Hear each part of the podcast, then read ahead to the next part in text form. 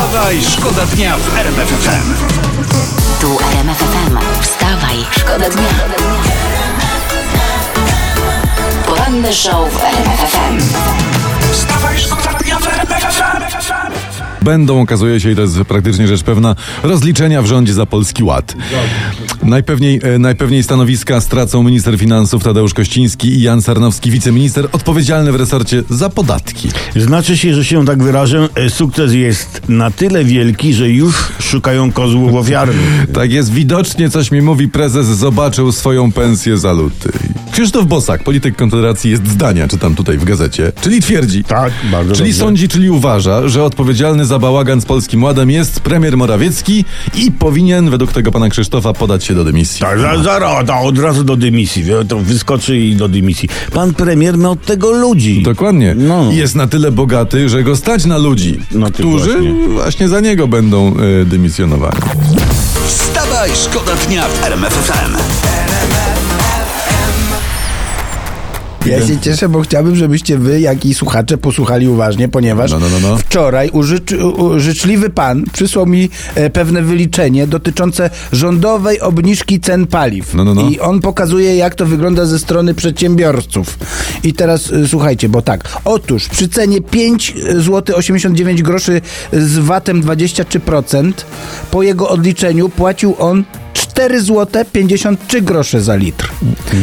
Paliwa oczywiście. Obecnie przy cenie 5 zł 27 zł z VAT-em 8% płaci, uwaga, 4 zł 84 za litr paliwa. No to jest wspaniała, łomyślna no, obwyżka cen. Obwyżka, 30 groszy na litrze. Czy ten pan jeszcze coś pisze? To jest to Oj, jest Taka potem- podniżka. Ciekawe. nawet. Tak, on oj potem sporo pisze. E, Ogólnie gorąco i namiętnie pozdrawia rządzących, wkładając im różne rzeczy, niekoniecznie tylko do kawy.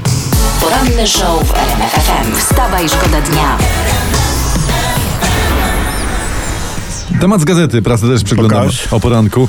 I Justyna Steczkowska zdradza przepis na domowy chleb. Mówi, cytuję, trzeba dodać całe serce. No dobra, ale to nie każdy lubi kanapki z podrobami. No. Tylko dlaczego, kurczę, do pieczenia chleba ona rozebrała się na tych zdjęciach jak do rosołu? Bo może jej gorąco jest, rozumiesz? Piec jej tam bije na pierś. Wstawaj, szkoda dnia w Ceremonia otwarcia Igrzysk Olimpijskich w Pekinie. Igrzysk tu nie będzie niespodzianki zimowych. Zapłonie znicz. Tak jest. Igrzyska zimowe młodsi pewnie nie wiedzą, ale pierwsze polskie złoto igrzysk zimowych to medal Wojciecha Fortuny z 1972 roku. Nie ulega wątpliwości, najbardziej sensacyjne zwycięstwo Olimpiady 72. Tylko jedną dziesiątą punktu Polak Wojciech Fortuna wygrywa złoty medal. To No ależ, ja, ależ to była sensacja, to szał, pamiętasz, radość. co? O ja. Pan Wojciech, pierwszy polski zimowy mistrz olimpijski, był po prostu noszony na rękach, uwielbiany.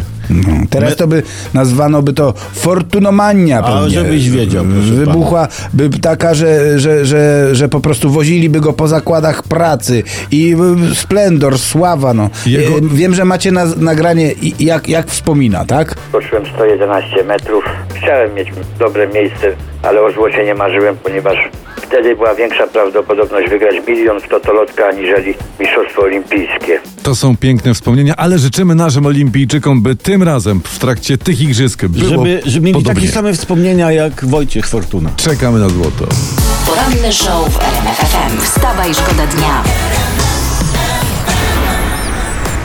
Jest taka, chodzi to wszędzie y, rządowa reklama Polskiego Ładu i oni tam mówią tak, Polski Ład to inwestycja w zwykłych Polaków. Nie, w zwykłych Polaków. No dobra, a co z Polakami niezwykłymi?